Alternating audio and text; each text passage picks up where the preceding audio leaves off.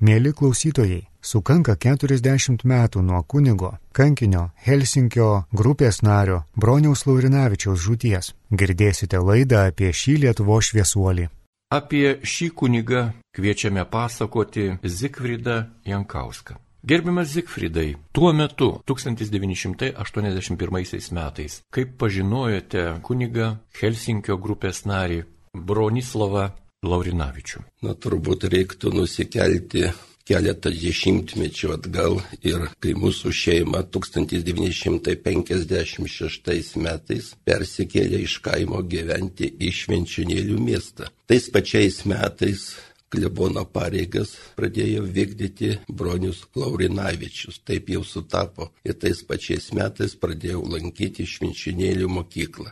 Reikėjo patarnauti šventų mišių metu ir mano mama nuvedė mane ir brolį į bažnyčią ir mes pradėjom jau tais pačiais metais patarnauti šventų mišių metu. Na, įdomu buvo tai, kad pamaldos vykdavo lotynų kalba, teko mums vaikučiams, man tik šeši metukai, broliu aštuoneri metai, išmokom viską atsakinėti lotynų kalbą. Pamaldos vyko senoje medinėje Švento Edvardo vardu bažnyčioje. 56 metais jau pradėjo pareigas vykdyti bronius Laurinavičius klebono. Jis suprato, kad reikia baigti dar 28 metais lietuvybės kleidėjo kunigo Ambrazėjaus Jakovonio pradėtą statyti bažnyčią. Ant tos bažnyčios mūrų augo berželiai ir statybos nebuvo vykdomas daugelį metų. Tragiškas likimas visų trijų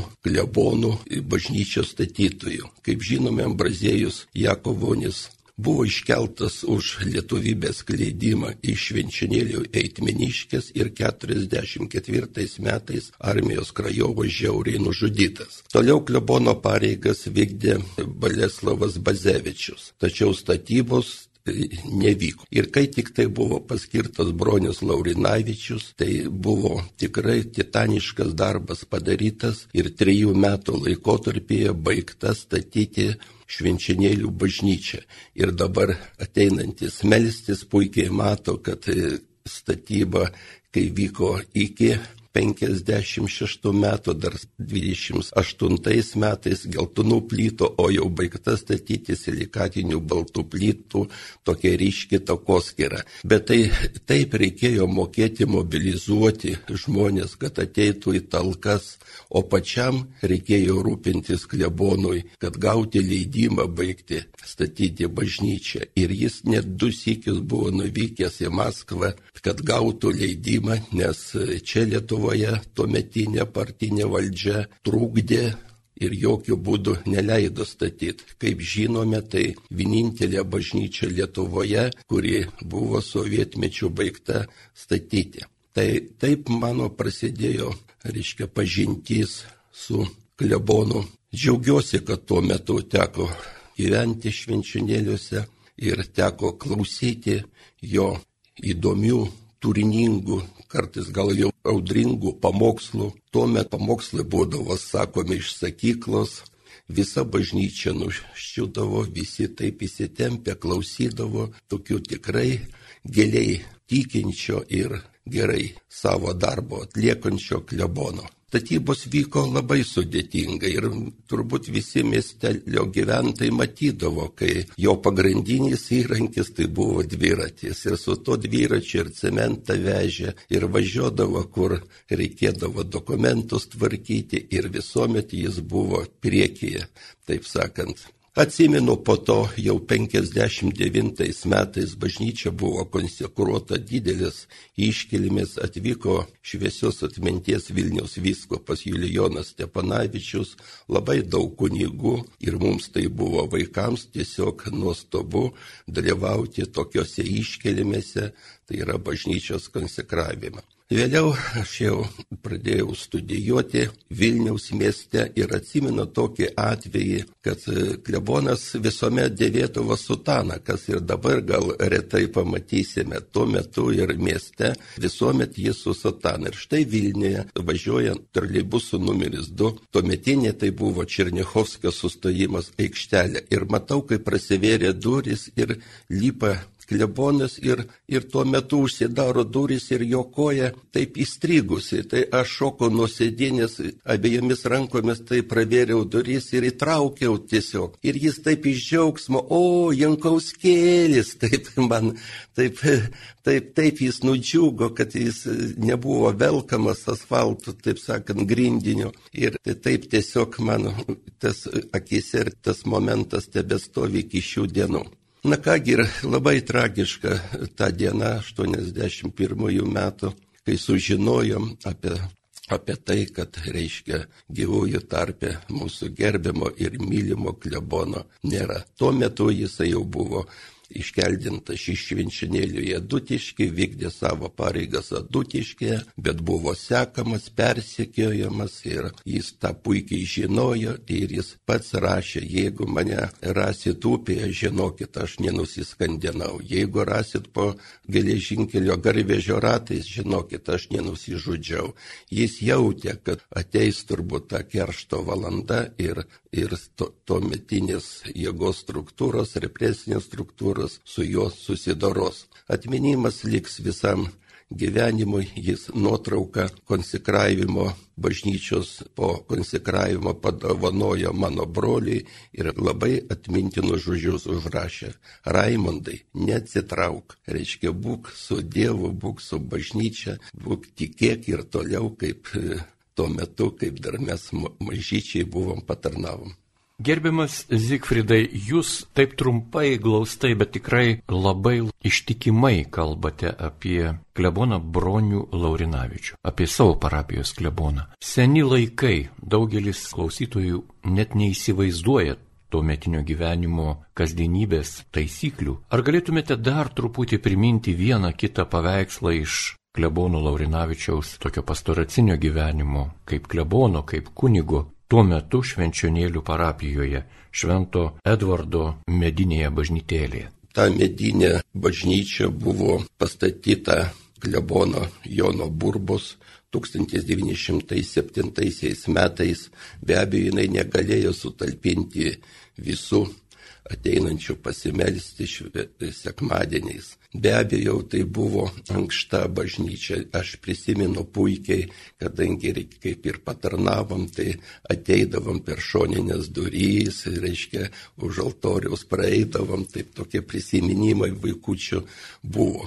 Na, kunigas tai yra, kaip sako, tikras kunigas, taip turbūt jo pašaukimas tarnauti Dievui ir buvo. Labai nemėgo jisai, kurie, pavyzdžiui, po laidotojų vaišindavo ir dėktinė tiesiog būdavo prieš alkoholį nusiteikęs, tai tikrai galima sakyti visko pavalančiaus pasiekėjas. Jis jau kovojo su girtoklystė visomis savo išgalėmis. Nu, taip be abejo dirbo didelį darbą ir tas darbas su vaikais irgi buvo turbūt viena iš priežasčių, kad jį iškeldino iš švenčionėlių. Jis vienas iki mūsų rinko vaikų vaikučius ir sako, tai jau gal buvo po šešiurių metų mūsų patarnavimo vaikučiai daugiau nebeteik. Draudė. Nors aš labai nustebęs, kad mokykloje priešingai nei iš vieno mokytojo, nei iš direktoriaus aš to neišgirdau, kad neikite į bažnyčią, nepatarnaukite. Tai tas stebina mane iki šių dienų. Be abejo, tai parodo ir mokytojų sampratą, jų pačių tikėjimą, tik kad to negalima buvo skleisti, rodyti, bet niekas tikrai mums netrukdė atlikti savo pareigą. Paminėjote labai unikalią Lietuvos istorijoje patirtį, kad jūs moksleiviai, tarybiniai moksleiviai, nebuvote persekiojami mokykloje direktorių, pavaduotojų. Na ir ten mes žinome, kas tą darydavo, puikiai esam tos kartos žmonės. Ar jūsų šeima patyrė persekiojimą? Na, turbūt šeima nepatyrė persekiojimo, dėl katalikybės, gal man teko asmeniškai nukentėti dėl kitų dalykų, reiškia sovietmečių, kaip numizmatas, kaip besidomintis istorija, kaip berenkantis Lietuvos didžiosios kunigaikštystės monetas, už ką buvo baudžiamoji byla iškelta, teko tikrai nukentėti, buvau suimtas, bet turbūt ir nebe Dievo, kaip sakant, rankos išteisintas pagal visus straipsnius ir po devynių mėnesių galėjau sugrįžti į savo šeimą. Tai tikrai tai buvo didžiulis smūgis man, kad atrodo nieko nenusižengusiam, tokie teko išbandymai. Ar galėtumėte dar papasakoti apie kunigo klebono Broniaus Laurinavičiaus katechezės vaikams? Kokios jos buvo? Jis jūs ruošė pirmąjai komunijai, taip? Taip, tuo metu ruošė, reiškia, dar šalia, paskui buvo dar kunigas Miškinis, buvo ir Bronius Laurinavičius. Ir taip jis ruošė mus pirmajai komunijai. Dalį mokėmės pas kunigą Miškinį ir teko po to jau ir pas Bronių Laurinavičių kunigą. Tai tas darbas su vaikais be abejo buvo ženklus ir tos kartos mano kartos visi puikiai prisimena, kaip reikėjo, reikėjo eiti, mokytis ir tas buvo ir įdomu, kadangi net ir maldaknygių nebuvo, dar, reiškia, teko tas senovinės kantičkas skaityti, senas maldaknygės, iš kurių meldėsi gal ir tie mamytė, ir senelė, turbūt irgi tokios jau padėvėtos buvo, tada jau buvo išleistos naujos maldaknygės ir, ir mes gavom patarnautai turbūt vieni pirmųjų jų. Dabar ten mano vaikiška rašysina įrašyta prisiminimui nuo kunigo broniaus Laurinavičius. Tai tikrai toks šiltas prisiminimas, jau turėjau aš, vaikutis, jau turėjau savo, savo maldaknygę. O kaip vaikai, kaip jūs ministrantai dabar taip vadinami taip. būtumėte, tuo metu kitas žodis turbūt buvo naudojamas. Klapčiukai, klapčiukai taip, klapčiukai, šventas žodis, visiems suprantamas. Kaip jūs prie altoriaus būdavote aprengti, ar turėjote albas, ar turėjote ką?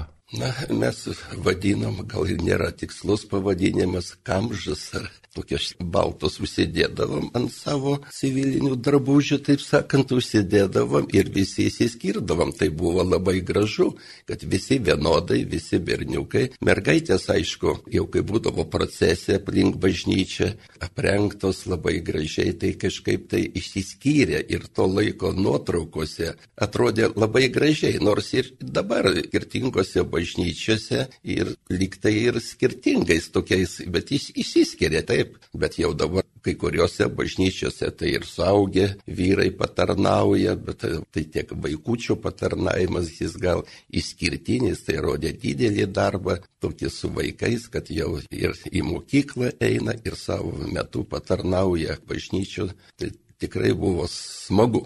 Kiek jūsų patarnautojų tuo metu parapijoje buvo? Na, mūsų pagrindiniai mes buvom keturiese. Keturiese ir visose nuotraukose, tai paskui buvo įsiplėtę gal iki šešių, bet ir toliau tai pagrindė tai keturiese mes.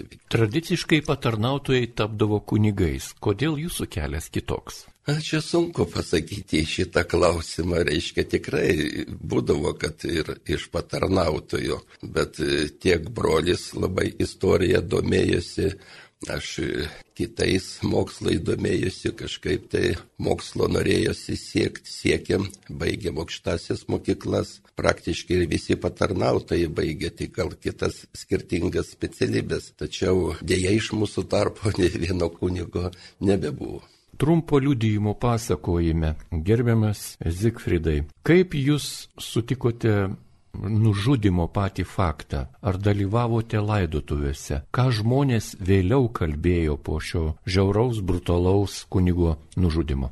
Be abejo, labai greitai pasklydo ta tokia netikėta žinia, žiauri žinia, kad kunigas vis dėlto buvo pastumtas po automobilio. Reiškia, nors tas buvo neįgiama. Ir liktai ir liudininkai atsirado jau taip be abejo, tai mes įsivaizduojam, koks darbas buvo atliekamas saugumo komiteto, kad vis dėlto paneigti tą patį faktą, žmogžudystės faktą. Laidotuvėse man dalyvauti neteko, kadangi buvau tada Kaune reiškia ir sužinojau jau praktiškai gal po kelių dienų tik tai. Tėveliai dalyvavo laidotuvėse, teko man tik jau dalyvauti po to, kai buvo palaikai pagal jo valią perkelti į švenčionėlius, į, šventorių, šalia bažnyčios, kurią jis baigė statyti ir ką papuošė puikus jau mirusio dailinko Antano Kmeliausko darbas, puikiai skulptūra Kristus pas Pontijų pilotą. Taip pat žuties vietoje yra pastatyta šio skulptoriaus Kmėliausko Antano skulptūra Kristus nešantis kryžių. Ji yra tokia autentiška, tokia primenanti liaudės meną toje vietoje, kur jis ir buvo pastumtas po autobusu. Ir daug žmonių, žinoma, labai jautriai priėmė broniaus Laurinavičiaus mirtį. Na, žinot, tas faktas gal mums ypatingai švenčinėlių miesto gyventojams ir tiems, kurie buvo arčiau klebono, tai gal ir tą suvokti žinią buvo žymiai sunkiau. Toks aktyvus, toks, toks e, tikrai atliekantis savo pareigas su tokiu atsidavimu ir staiga, staiga mes jo nebeturim. Tai ta žinia buvo pribloškinti daugam. Ir labai stiprus buvo suburtas choras bažnyčios. Ir visi tie, kurie chore dalyvavo, gėdojo, su kokiu liūdėsiu turėjo sutikti tą žinią, kad nėra mylimo klebono. Tai tikrai visiems buvo didžiulis, žinot, toks smūgis. Ir kai buvo jau, aš gal nusikelsiu vėl į netolimus laikus, kai buvo 50 metų bažnyčios konsekravimo jubiliejus, tuo metu klebono pareigas vykdė Edmundas Paulionis. Ir aš pasiūliau įamžinti trys klebonus bažnyčios statytojus. Ir mes, reiškia, sukūrėm medalį ir medalionus. Medalionai dabar puošia bažnyčios dešinėje navoje, didžiuliai medalionai, kuriuose pavaizduoti kunigai Ambrazėjus Jakovonis, Boleslavas Bazevičius ir Bronius Laurinavičius. Ir pagaminti mažesnio formato medalį, kurį dėja čia klausytojams negalim parodyti, aš jį turiu čia atsinešęs. Vienoje pusėje yra bažnyčia baigta statyti, o kitoje pusėje trijų klebonų reiškia, atvaizdai.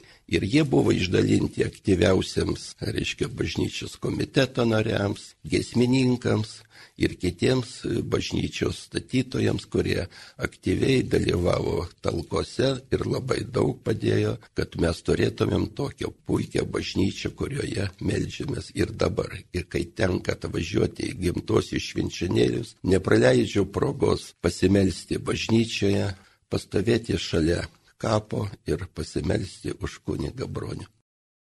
Apie kunigą Bronių Laurinavičių pasakojo Švenčionėlių parapijos gyventojas, tuo metu buvęs bažnyčios patarnautojas Zigfridas Jankauskas.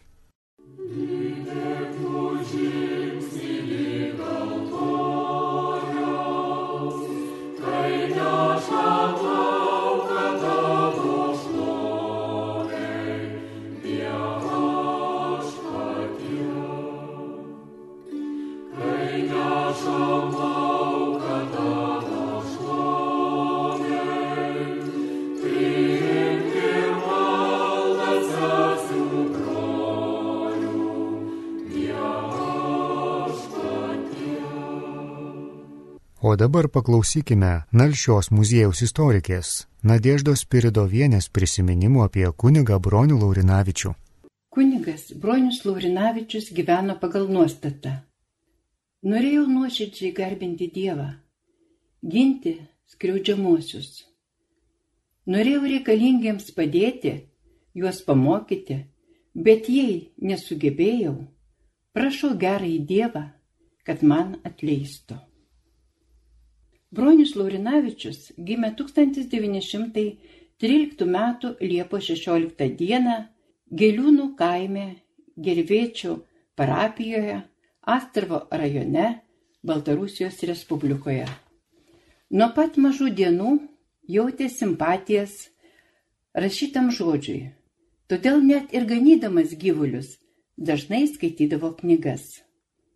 1937 metais jis baigė Vilniaus gimnaziją ir įstojo į Lenkų kariuomenę. Atitarnavęs įstojo į Vilniaus kunigų seminariją, o 1944 metais buvo išventintas į kunigus. Vėliau buvo paskirtas švenčionių vikaru. Tris metus kunigavo cikiniuose, čia jis praplėtė ir atnaujino bažnyčią, po to buvo perkeltas į Kalesnikus, Šalčininkų rajoną. Pasirūpino, kad bažnyčioje būtų sudėtos naujos grindis, įtaisyti nauji suolai, pastatyti tris nauji altoriai, įvestos lietuviškos pamaldos.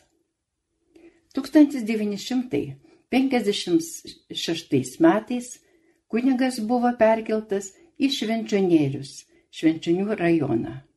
Naujasis klebonas Švenčionėliuose ėmėsi tikro žygdarbio, nusprendė baigti statyti bažnyčią. Ir ji buvo pastatyta, kuomet sovietmečiu bažnyčios buvo uždarinėjamos. Išlikusių statybinių medžiagų kunigas Bronius Laurinavičius pastatė kleboniją. Tačiau netrukus valdžios buvo apkaltintas, kad pastatė kleboniją už valstybės lėšas. Ir todėl 1965 metais ilgai bilinėjosi, tačiau Lietuvos TSR aukščiausiasis teismas išteisino dvasininką. Bet Laurinavičiaus rūpeščiai kunigo tuo nesibaigė. Kartą viename iš pokalbių su religinių kultų įgaliotiniu, kunigas buvo išvadintas amatininku, kuriam teks ieškotis naujo amato. Savo paskutinėme kreipimėsi į Švenčionėlių parapiją kunigas Bronius Laurinavičius sakė, nežinau, sąmoningai ar nesąmoningai, bet įgaliotinis mane sulygino su amatininku. Turiu pareikšti, kad kunigystė nėra amatas. Jeigu aš besimeldžiančius prie altorius tikinčiuosius pavaryčiau, tuomet nustočiau būti kunigu, tapčiau amatininku.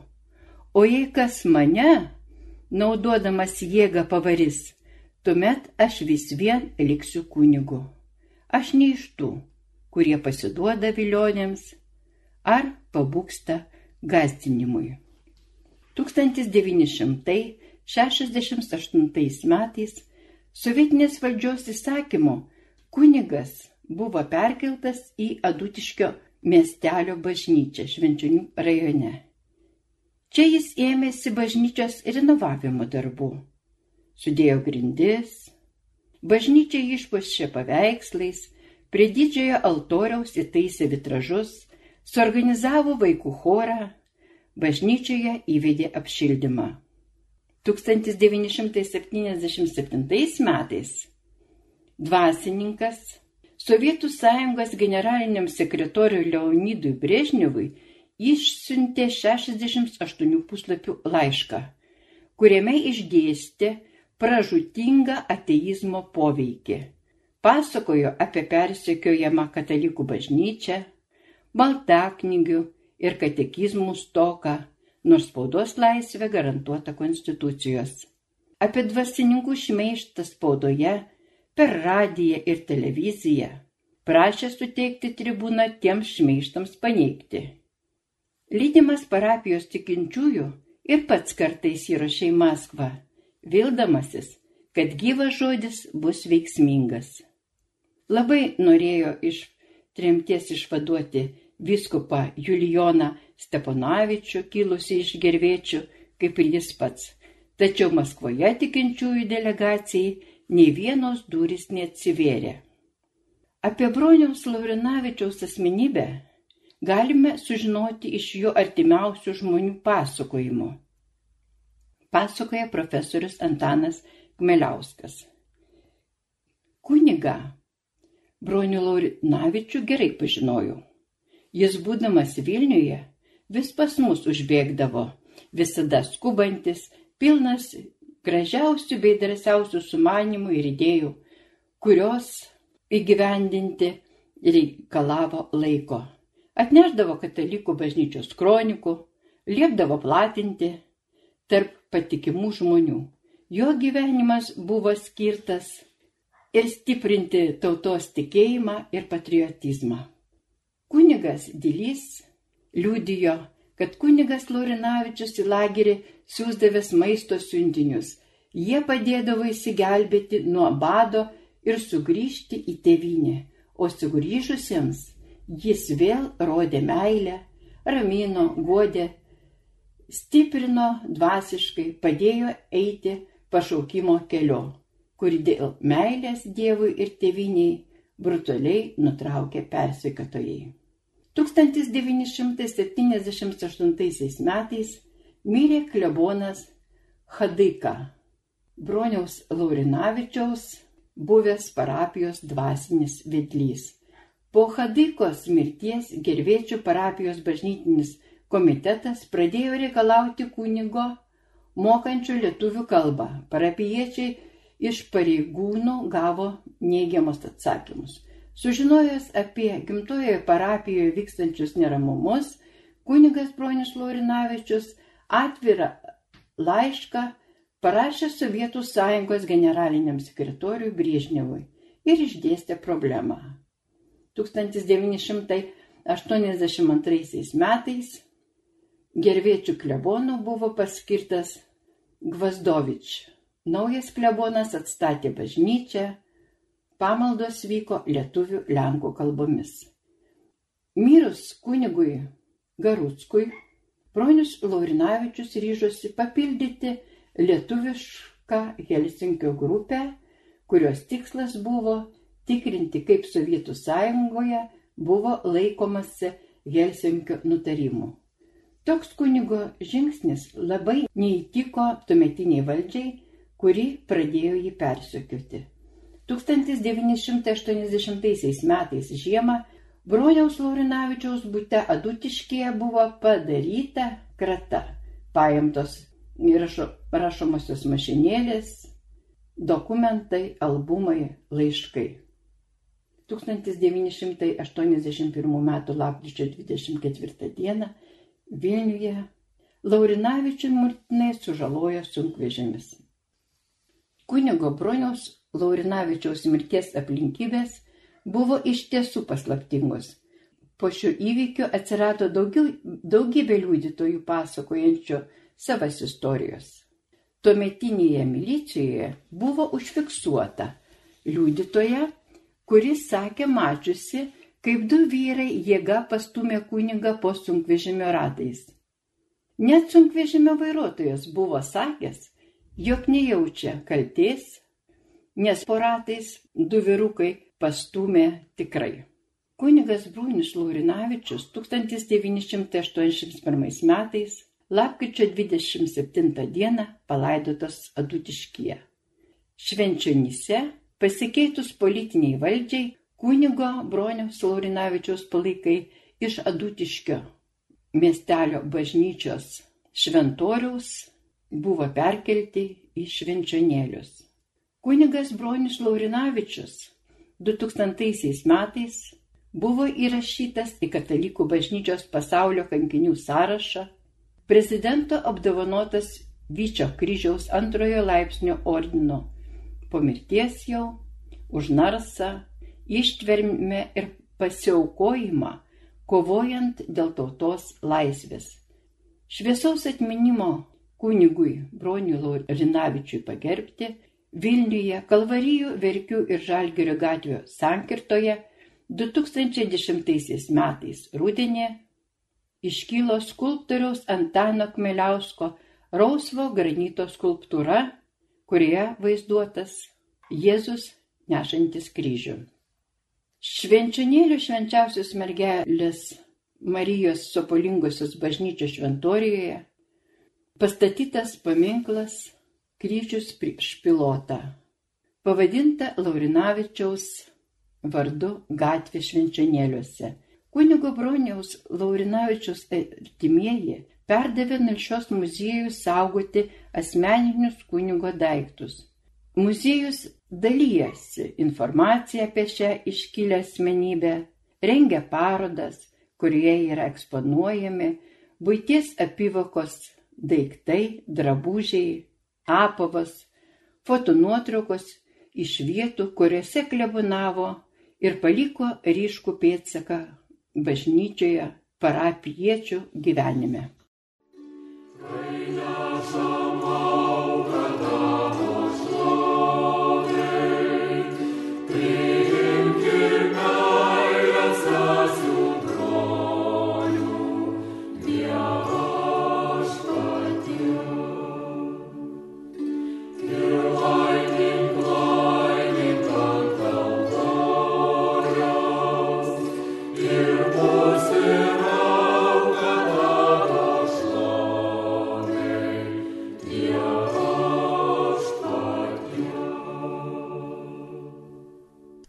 Marijos radijos savanoris Tomas Ladika skaito monsinjoro Kazimiero Vasiliausko prisiminimus apie kunigą Bronių Laurinavičių. Monsinjoras Kazimieras Vasiliauskas, atgautosios Vilnius arkikatedros klebonas, klebonavęs nuo 1989 iki 1997 metų, kadaise kalėjęs lageryje, taip pat bendravo su kunigu Broniumi Laurinavičiumi ir jį pavadino vienu iš ryškiausių jo regėtų švyturių. Monsignoras Kazimiras Vasiliauskas prisimena. Pirmą kartą kuniga Bronių Laurinavičių sutikau 1942 m. spalio mėnesį Vilniaus kunigų seminarijoje. Matais metais buvo atidaryta Vilniuje kunigų seminarija lietuvių dėstoma kalba – Į ją arkivyskupas Mečislovas Reinys pakvietė mus Kauno ir Telčių seminarijose studijuojančius klierikus. Mūsų buvo nedaug, tik apie penkiasdešimt. Neturėjome kambarėlių, todėl mokėmės tose pačiuose aulose, kur vyko paskaitos. Miegodavome irgi visi kartu. Šventos Teresės bažnyčios švenčiausiosios mergelės koplyčioje. Gyvenimas buvo gana varganas, bet vyravo idealistinės nuotaikos. Norėjome kuo nuširdžiau patarnauti Dievui ir tėviniai, dirbdami kunigų darbą Vilniaus arkiviskupijoje. Pradžioje buvo šiokių tokių nesklandumų tarp klierikų iš Vilniaus krašto ir atvykusių iš didžiosios Lietuvos, bet vėliau gana draugiškai visi susigyvenome. Klierikas Bronis Laurinavičius buvo labai darbštus, pamaldus ir disciplinuotas auklėtinis, draugiškas, visada tauriai džiaugsmingas. Jis buvo vyresnis už mus, jau atitarnavęs Lenkų kariuomenėje, karštas Vilnius krašto patriotas. Iš pokalbio su juo buvo galima suprasti, kad jis labai rimtai ruošėsi busimam pastoracijos darbui. Nekarta teko artimiau su kunigu broniumi bendrauti ir kunigaujant, kai jis klebonavo ceikiniuose nuo 1946 iki 1948 metų, o aš vikaravau švenčionyse. Švenčių atlaidų metu pasitaikydavo drauge dirbti įvairiuose švenčionių dekanato bažnyčiuose. Nuo pat pirmųjų pastoracijos metų jis buvo ypač aktyvus kovotojas už blaivybę sumaniai dirbo su vaikučiais, jaunimu, buvo paliegusiųjų nelaimingųjų draugas.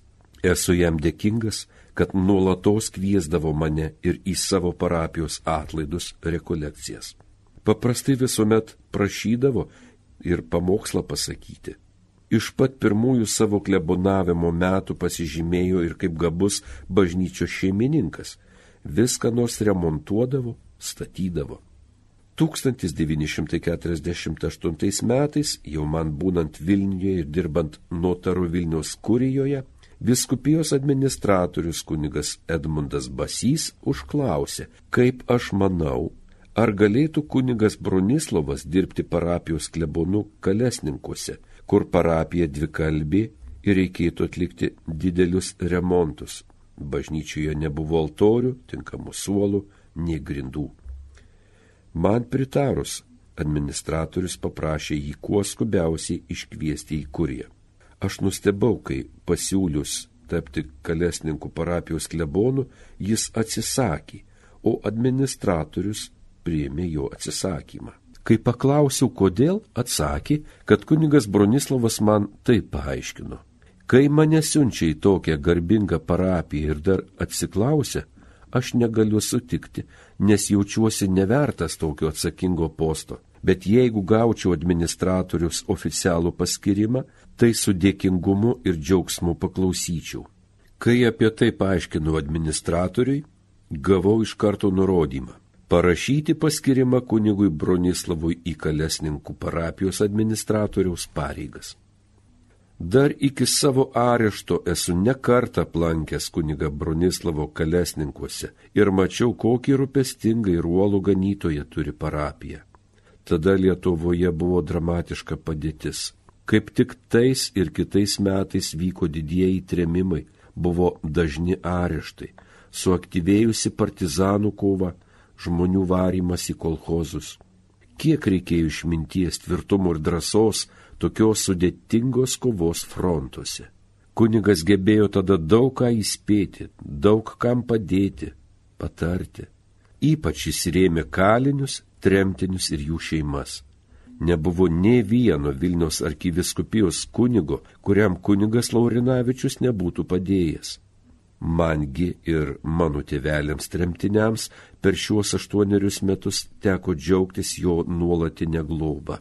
Grįžęs pirmą kartą 1956 metais iš kalėjimo ir atvykęs į kalesninkus, nebet pažinau bažnyčios, buvo suremontuota ir išpuošta kaip nepaprastai džiaugiasi kiekvienu tremtiniu sugrįžimu iš nelaisvės kraštų ir visas džiaugsmu švitėdamas nuolatos kartojo viešpatie viešpatie, viešpatie kaip gerai, kad jūs sugrįžote. 1956 metais kunigas Bronislavas skiriamas į švenčionėlius parapijos klebonų ir įpareigojimas baigti dar prieš karą pradėtą statyti bažnyčią.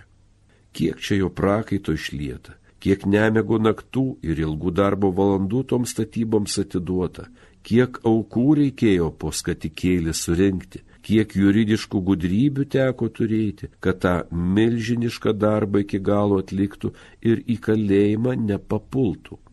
O jis vis sakydavo, koks geras jam Dievas, nes tik su jo pagalba taip sėkmingai tą milžinišką darbą atlikęs bet netrukus jis vėl nusidėjėlis, kabutėse valdžios akise. Per daug aktyvus, per daug vaikelių prie altorius, vis kažkokius raštus rašo, vis valdžios ne visada paklauso, keliamas į adutiškį.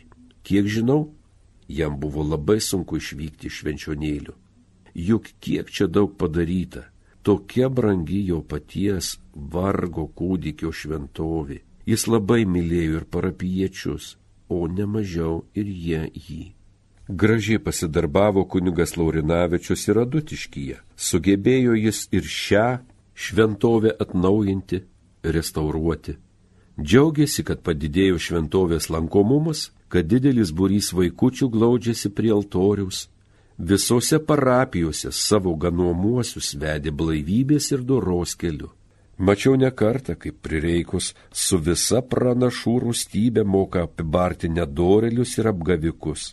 Kai vienas parapietis suklastotą dokumentą pristatęs paėmė antrą kartą santokos sakramentą, kunigas liudytojų akivaizdoje taip apgaviką išbari, kad Dievo rūstybės bijodamas nusidėlis netrukus savo šeimos reikalus sutvarkė pagal bažnyčios nuostatus.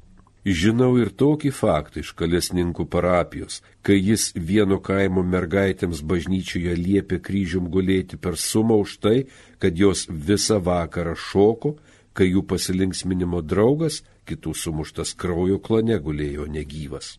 Stebino kunigo Bronislavo drąsa ir tvirtumas kovoje dėl tiesos, doros ir tikėjimo laisvės. Stebėjomės jo gebėjimais juridiškai kovoti ir ginti tikėjimo bei tikinčiųjų teisės. Kai kunigui Karoliui Garutskui mirus, su Helsingio grupės žmonių teisėms ginti komiteto nariu Finkelšteinu atvykau pas Bronislavą Laurinavičių kviesti jo būti komiteto nariu, jis mielai sutiko ir drąsiai vykdė įvairias užduotis. Esu dėkingas kunigui Bronislavui, kad jis atvykęs į Vilnių paprastai ir mane visuomet aplankydavo ir labai nuoširdžiai pasipasakodavo apie ateities kovos planus. Buvo atvykęs ir tą paskutinį lemtingą vakarą. Deja, tą dieną aš buvau išvažiavęs į Panevežį. Išeidamas jį žadėjo už valandos dar kartą užsukti. Vietoj jo vakare atėjo skaudi žinia. Ta vakarą užgeso vienas ryškiausių mano jaunystėje ir gyvenime regėtų švyturių. Taip, kuniga Bronių Laurinavičių prisiminė monsinjoras Kazimiras Vasiliauskas. Girdėjote laidą apie Lietuvai labai brangų kunigą kankinį, Helsinkio grupės narį Bronių Laurinavičių, minint 40-asis jo žūties metinės. Dėkojame dalyvavusiems. Iki susitikimo kitose laidose.